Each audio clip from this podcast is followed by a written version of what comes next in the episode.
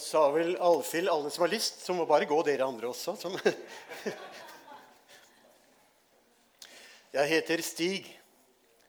Og jeg heter Stig, ikke bare Stig Tørring, men heter Stig Jacobsen Tørring.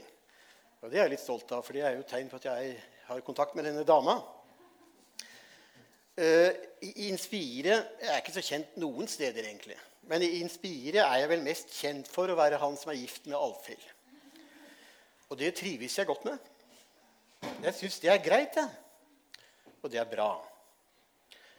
Nå fikk vi også høre vår kjære pastor Ann-Kristin si at det er bra med mangfold. Og jeg er et av mangfoldet, en del i mangfoldet.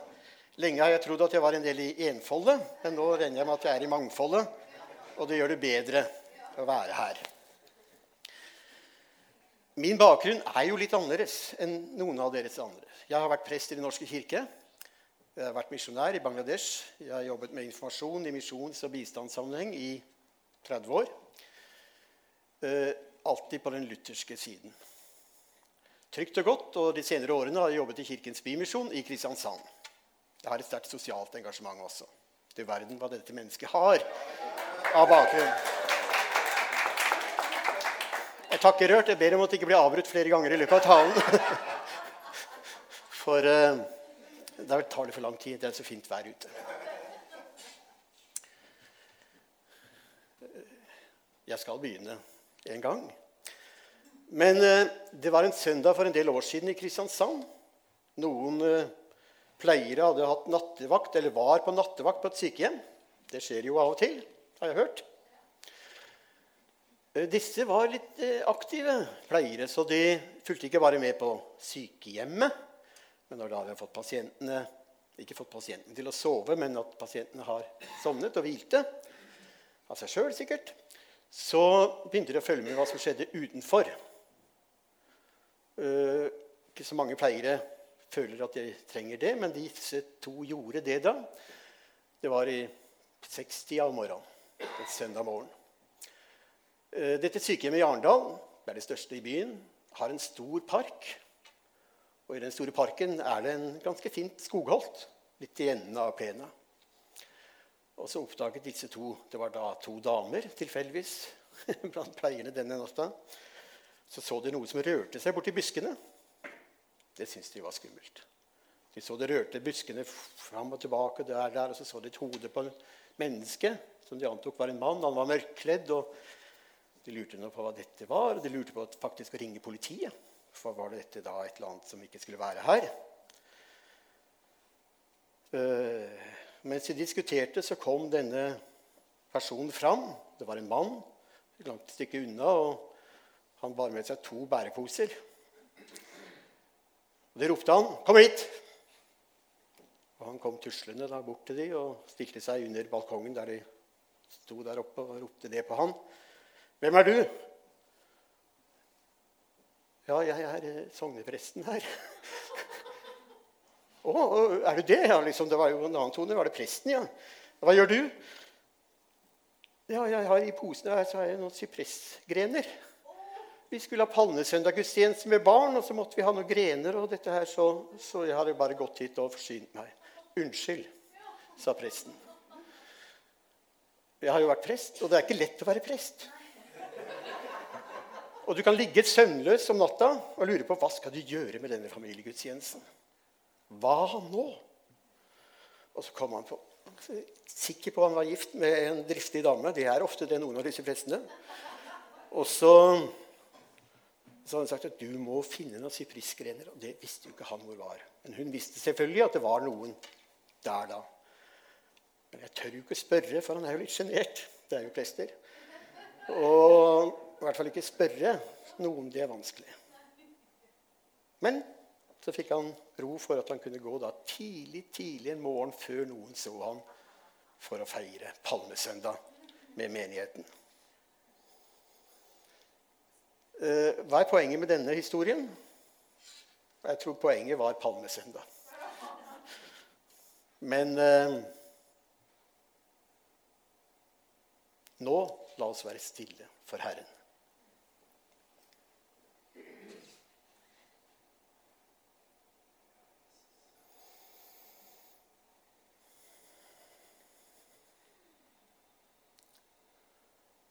Takker deg for denne uka vi nå går inn i, med stadige påminninger, stadige tegn, stadige handlinger fra deg som viser at du vil oss vel. At du vil oss frelse. Du vil gi oss håp og framtid.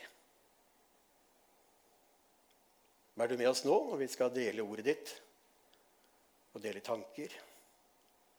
Hjelp oss til å ta imot fra deg.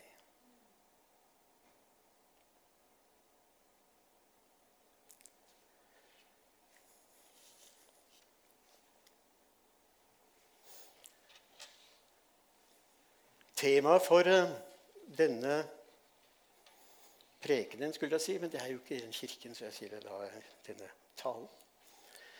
Han som går veien med oss. Vanligvis ville vi kanskje sagt 'han som går veien for oss'. Det er jo det vi hører ofte og tenker. Og det er jo ikke feil. Men i dag skal vi dele litt, kanskje, ved han som går med oss. Jeg er veldig opptatt av ordet 'medvandrer'. Og jeg tenker at Jesus gjennom påskens budskap viser at han går med oss. Trinn for trinn. La oss lese palmesøndagstekst. Matteus 21, 1-11.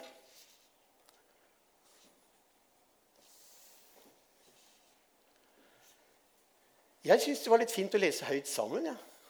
Skal vi gjøre det? For det syns jeg er litt uh, Noen ganger er det lettere å legge merke til det som leses. Jeg må ha litt vann først.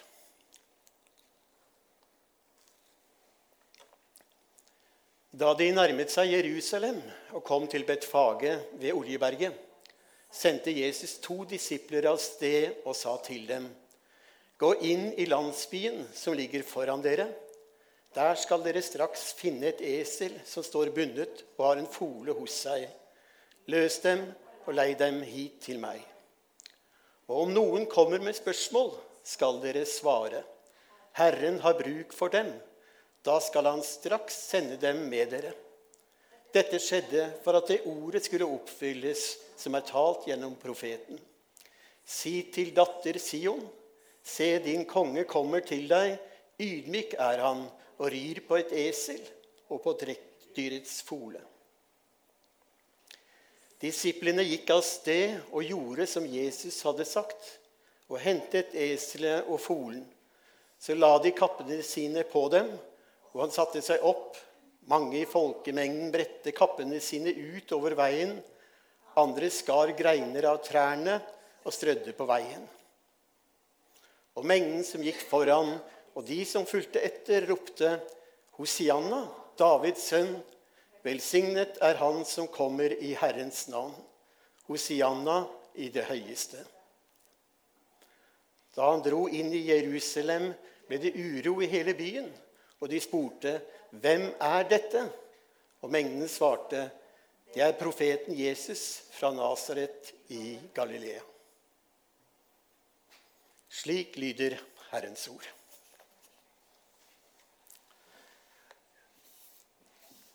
Jeg vet ikke om du har dine yndlingshøytider eller yndlingsdager i kirkeåret. Det er ikke sikkert du er så opptatt av kirkeåret sånn som jeg er. Jeg er opplært til det. Men palmesøndag er for meg den aller største dagen. For her får jeg alt. Ikke bare deler, men her fannes alt. Jeg er jo glad i folketog. Jeg snakker ikke nå om 1. mai-tog. Skal ikke ha ment noe om. Men 17. mai har jeg gått i. Og jeg, i, I Lillesand, der de fleste av mine barnebarn bor, så elsker jeg å feire 17. mai. For når de kommer i barnetoget, så kan jeg løpe fra sted til sted. Minst tre steder i Lillesand er min faste plass og familiens faste plass. For der kommer barnebarna. Vi rekker akkurat fram i tide til deres klasser kommer.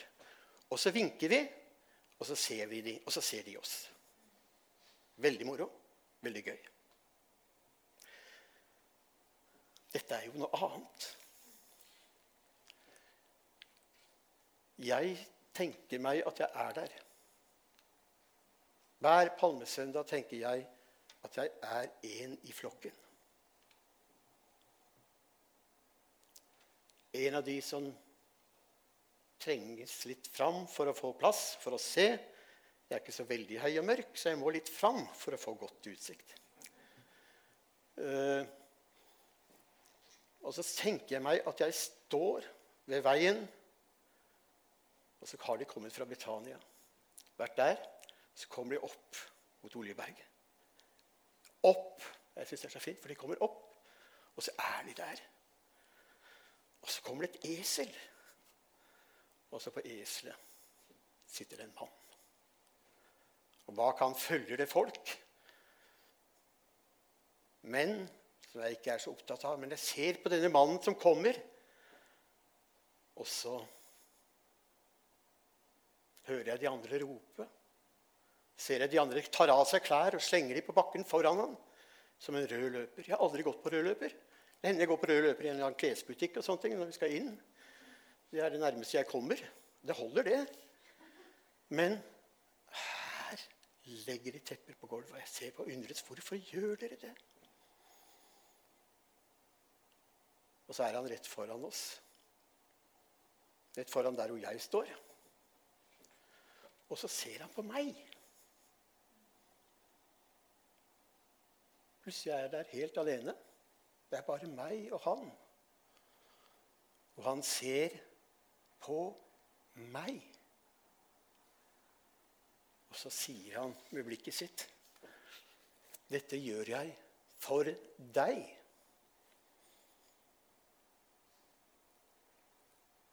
Da gråter jeg. For jeg blir så glad og så trygg. For at han gjør ikke dette for moro skyld, for showet, for underholdningen. Han gjør det for meg. Og jeg tenker at hver eneste Jeg vet ikke om det var hundrevis eller tusenvis, jeg aner ikke hvor mange. Jeg tror han så på hver eneste en. Det er jo slik jeg tenker at Jesus velsigner oss. Han velsigner oss ikke som en haug med kristne, men han velsigner oss enkeltvis. Millioner, millioner samtidig i sin velsignelse.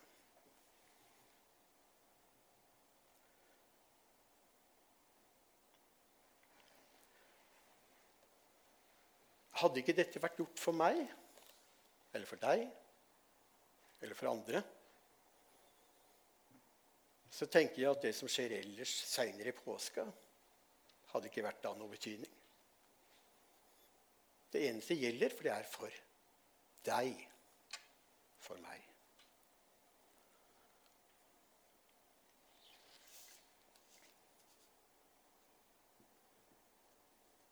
Jeg er eh, sånn laga at jeg husker veldig i bilder. Jeg bestemte meg for at det er kanskje en gave.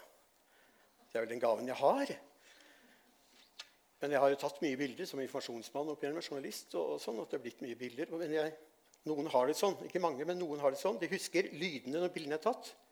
De kjenner luktene. Kjenner De er i situasjonen.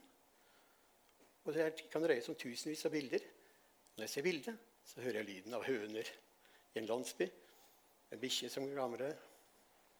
Kjenner at jeg svetter, for det er varmt. Og så er jeg der. Det er godt for meg i min tro. Det er ikke avgjørende. Og det er ikke så viktig. Men det gjør at jeg på en måte klarer å tenke meg å være nær Jesus. Og da er det ikke så vanskelig å tenke seg at han også er nær meg.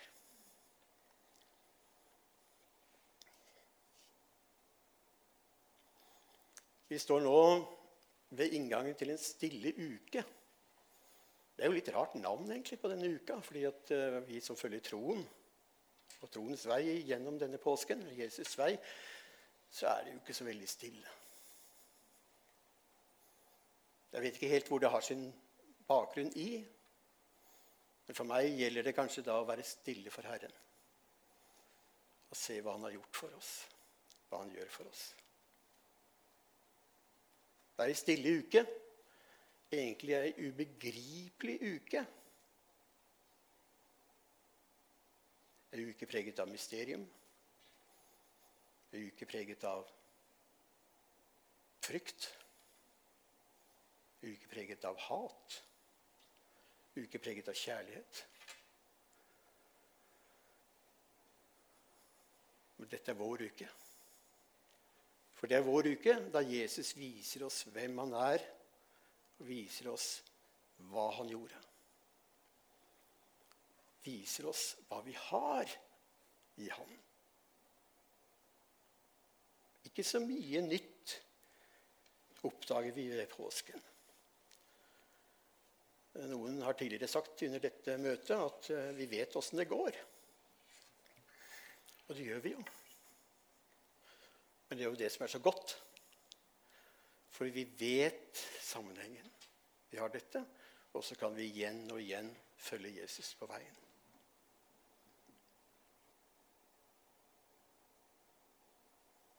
Jeg ser for meg at dette er verdens største redningsaksjon. Ikke noe annet av dette formatet er gjort tidligere. Ikke engang Noah og flommen og dette her. Jeg har vært med på en del redningsaksjoner som eh, bistandsarbeider, misjonær. Dette vi nå leser om, dette som vi nå feirer i påsken, er den aller største. Den skjedde da, og den skjer nå.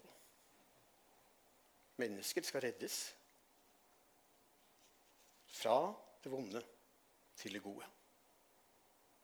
Fra død til liv. Fra tap til seier. Er du med når vi går igjennom påsken? Jeg har alltid lyst til å sagt fra prekestolen en gang, eller talestolen en gang er du med? For det er det noen som gjør. Jeg har aldri gjort det før, men nå har jeg fått sagt det. Er du med? Ja. Jeg lærer. Det er ikke så lett å tilpasse seg, men jeg prøver. Mange vakre øyeblikk, mange tunge øyeblikk. En rekke viktige øyeblikk. Jesus vasker disiplenes føtter.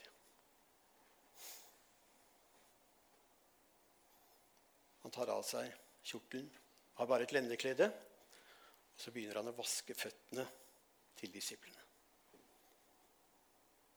Det er skjærtorsdag kveld. Og Peter Vi kjenner jo han. Det er jo noen sånne av oss. Vi får ikke lov. Det går ikke an. Det er måte på. Dette finner jeg meg ikke i, liksom, osv. Hører han protestere. Av god mening. Men så sier Jesus at hvis jeg ikke får vasket føttene dine, så har du ikke del i meg. Hvis ikke jeg fortjener deg, så har du ikke del i meg, sier Jesus. Og så sier jo Peter, 'Vask hele meg'. Det er ikke måte på. Han har jo ingen begrensninger. Utrolig mann. Tenk at han ble Ja, vi tenker seg til. Jeg har jo selv opplevd å bli fått vasket føttene. Jeg har jo sjøl gjort det i gudstjeneste. og sånne ting. Men for å vise dette i praksis Det blir ikke det i dag. Vi har trua med det litt før gudstjenesten, men det blir ikke noe av det. Det kom litt for mange i forhold til vi hadde tenkt. Ove gledde seg. Men eh, jeg har jo vært misjonær med santaler. Santalene er en folkegruppe som vasker føttene til gjester. Så når du kommer til landsbyen, så vasker de føttene våre. Enten det er kvinner, menn, barn Uansett kulturbakgrunn. Bare du kommer som gjest til en santallandsby, så vasker de våre føtter først. Og så får vi mat og fellesskap. Det er jo en fantastisk handling. Utrolig vakkert. Veldig behagelig. Men i vår sammenheng, i denne sammenhengen, veldig riktig. Og hvis vi tenker oss litt om, så klarer vi å komme på ting hvordan vi kan vaske føttene til hverandre og til andre.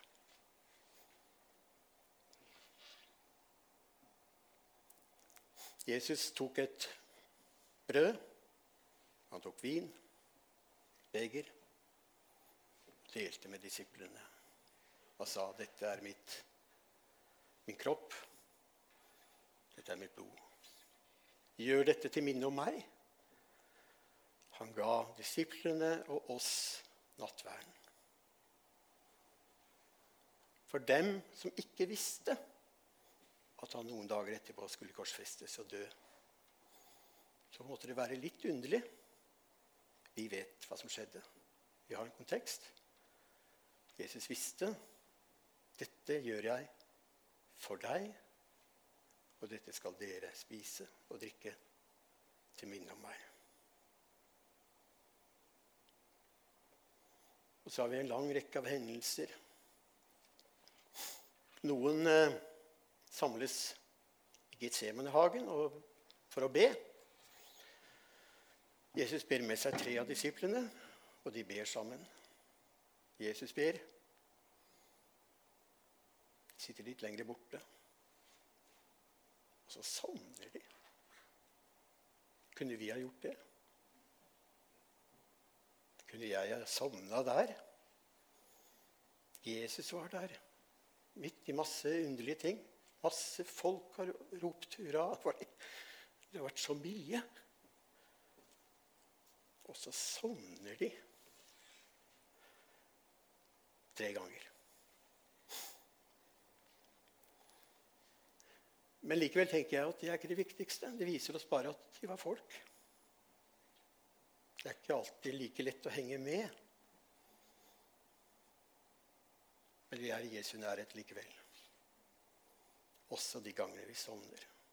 Men jeg syns hans bønn der han ber om mulig å få slippe.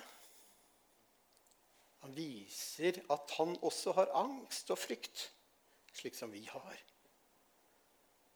Han er ikke en overmann, et overmenneske. Han er sann Gud, men også sant menneske som er redd. Og synes at dette blir mye. Møe for mø, som vi sier på Sørlandet. Men så sier han 'som du vil'. Og Det kan jo også være vår bønn når vi syns det blir møe for mye. Som du vil, Herre.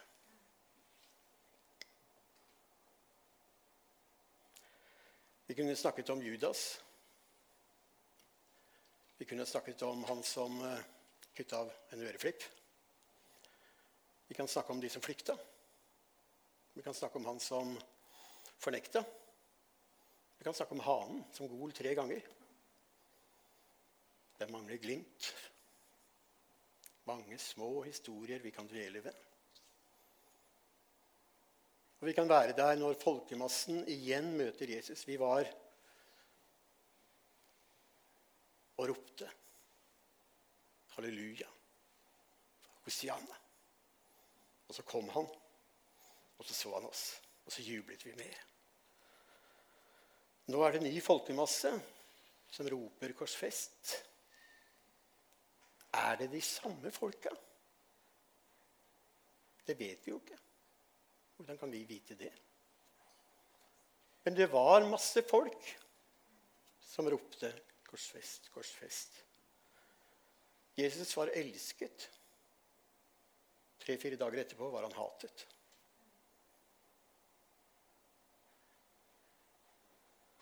Og så var jo han som to hendene sine siden har mange av oss drevet og toet hendene våre når vi har gjort noe. Dette tar vi ikke ansvar for, det får andre gjøre.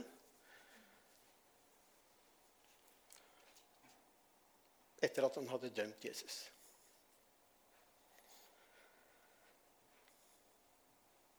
Jesus ble korsfestet. Jeg har sett en del musikaler der Jesus blir korsfestet sett filmer der Jesus blir korsfestet.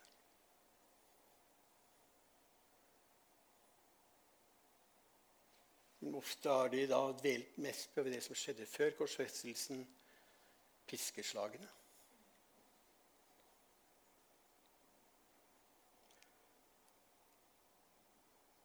Da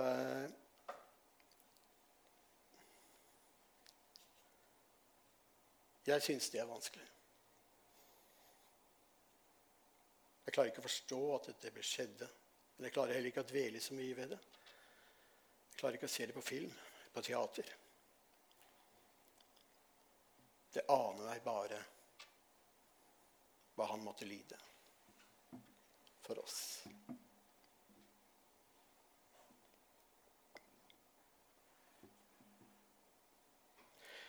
Det kunne vært gjort på en annen måte. Gud kunne ha valgt en annen vei, kanskje. Det vet vi ikke om, men han lot dette skje, sin elskede sønn. Var det for min synd? Ja.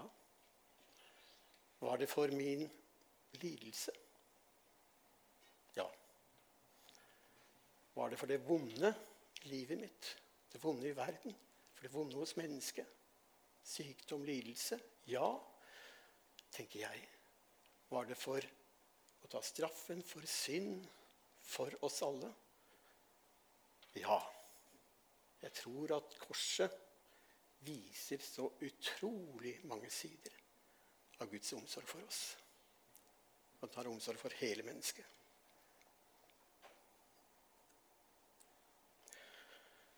Så om en uke fra nå så kommer Maria en av versjonene. Det er jo flere versjoner.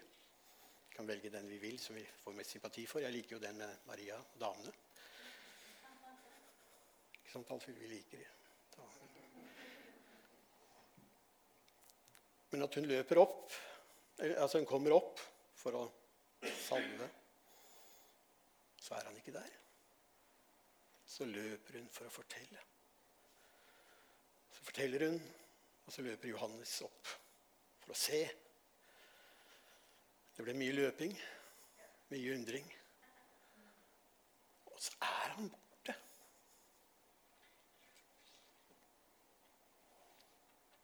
Jeg ser for meg litt seinere på kvelden så er disiplene samlet igjen på et loft i Jerusalem og skjuler seg for de som forfølger dem i angst, i frykt og redsel. Og så kommer Jesus plutselig i rommet. Og der Jeg har to yndlingsvers, og dette er det ene yndlingsverset. Disiplene ble glade da de så Jesus. Da endret alt seg. Dette var liksom uh, kjapt gjennom påsken. Jeg håper for hver enkelt av oss at vi finner vår knagg, våre knagger, der vi denne påsken kan dvele ved Jesu store gjerning.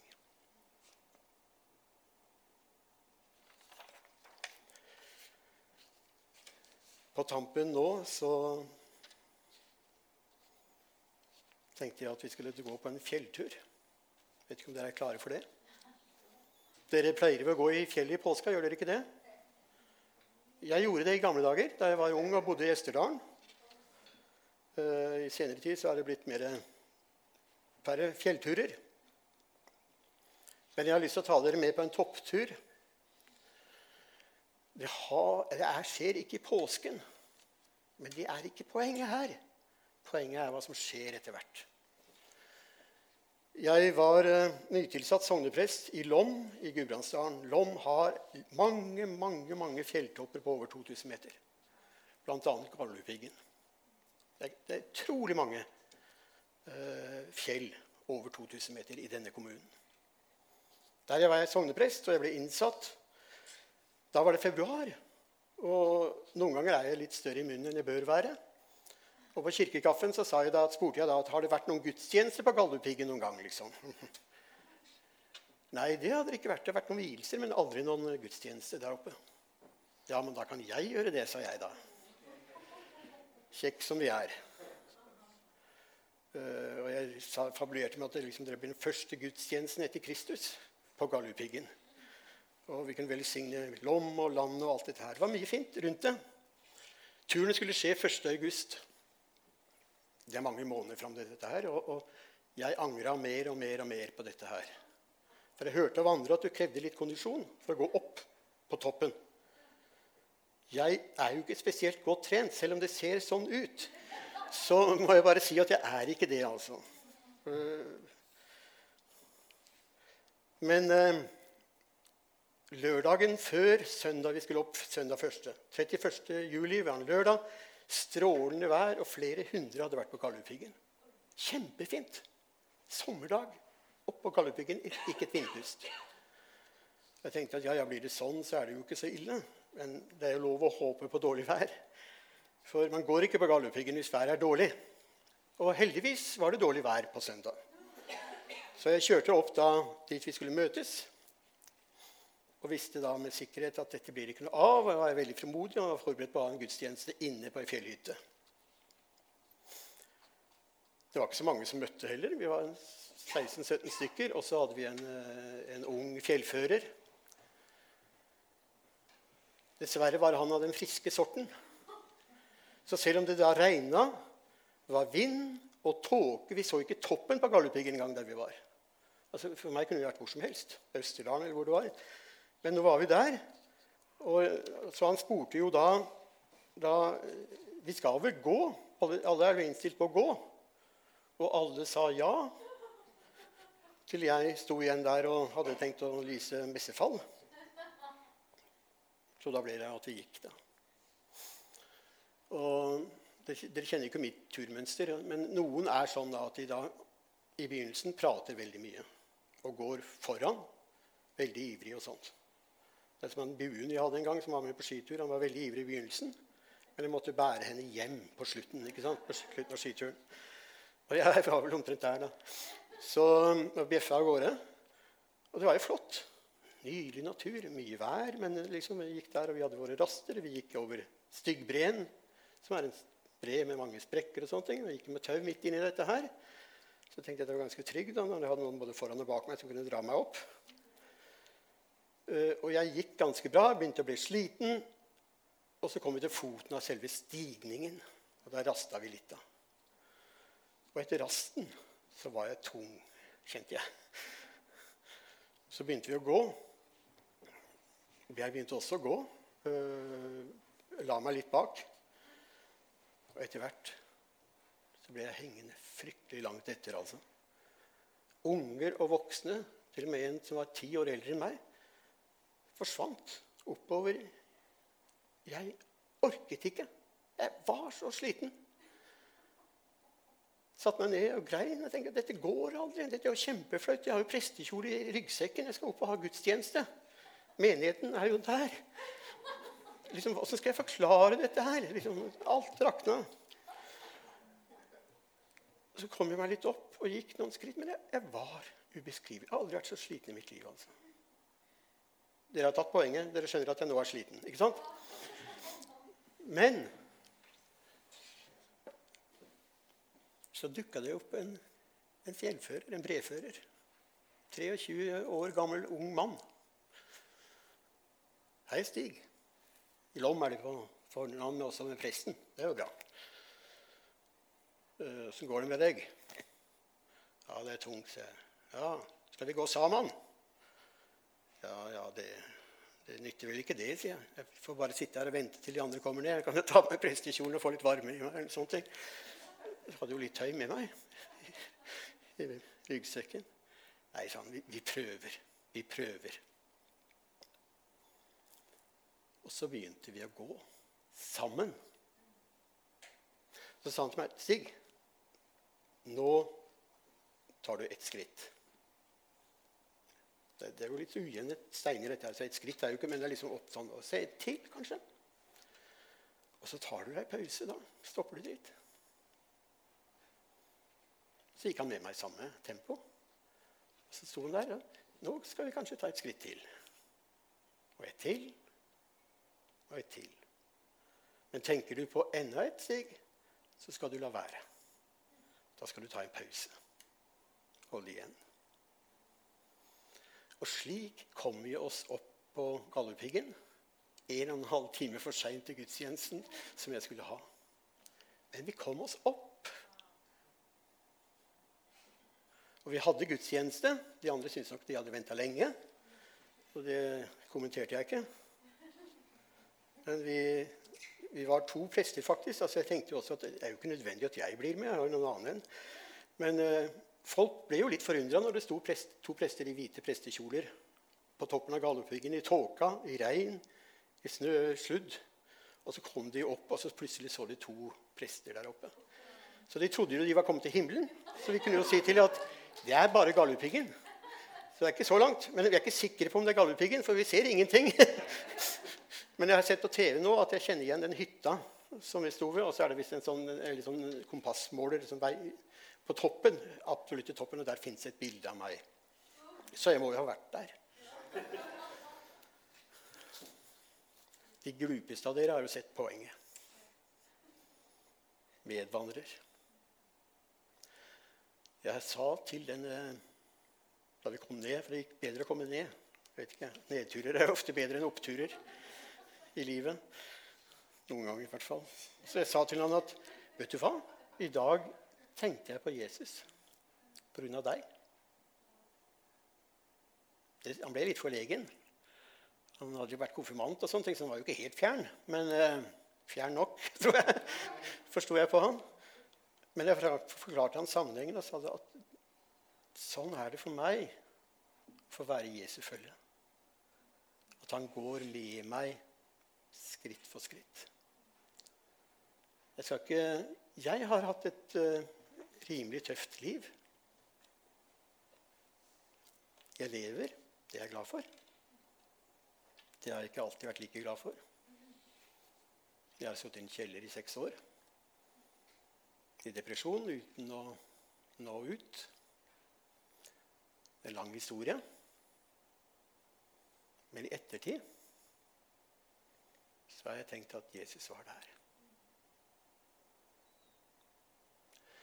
Jesus er med oss, også vi som har det happy. Alt er vel. Noen, 'Jeg har ikke noe problem i troslivet mitt.'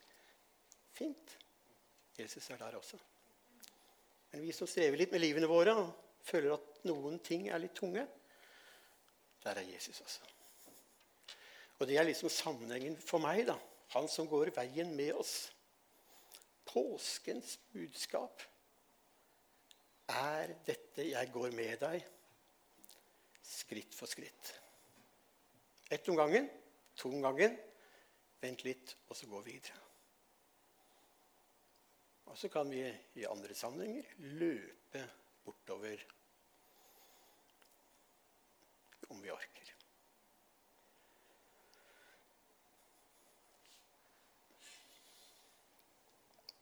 Hvert eneste trinn, hvert eneste skritt, hver eneste handling på Via Dolorosa, lidelsens vei, er gjort for deg. For meg. For oss. Vi har det. Vi kan dele det med andre. Vi kan leve på det, og vi kan dø på det. Og så, helt til sist, la oss være medvandrere for hverandre også. Jesus kan bruke oss i vandringen med hverandre. Alt for deg.